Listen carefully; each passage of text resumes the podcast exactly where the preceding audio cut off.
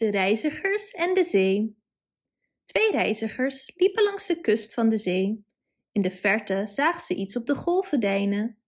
Kijk, zei een van hen, een machtig schip met grootse schatten uit verre landen komt aanvaren. Het deinende object kwam steeds dichter bij de kust. Nee, zei de ander, dat is geen schatschip, het is een vissersboot met de vangst van de dag. Weer kwam het deinende object dichterbij en de golven spoelden het op het zand. Het is een kist met goud, riepen ze euforisch. Beide reizigers renden naar het strand, maar daar vonden ze niets anders dan een met water doordrenkt stuk hout. Bedankt voor het luisteren.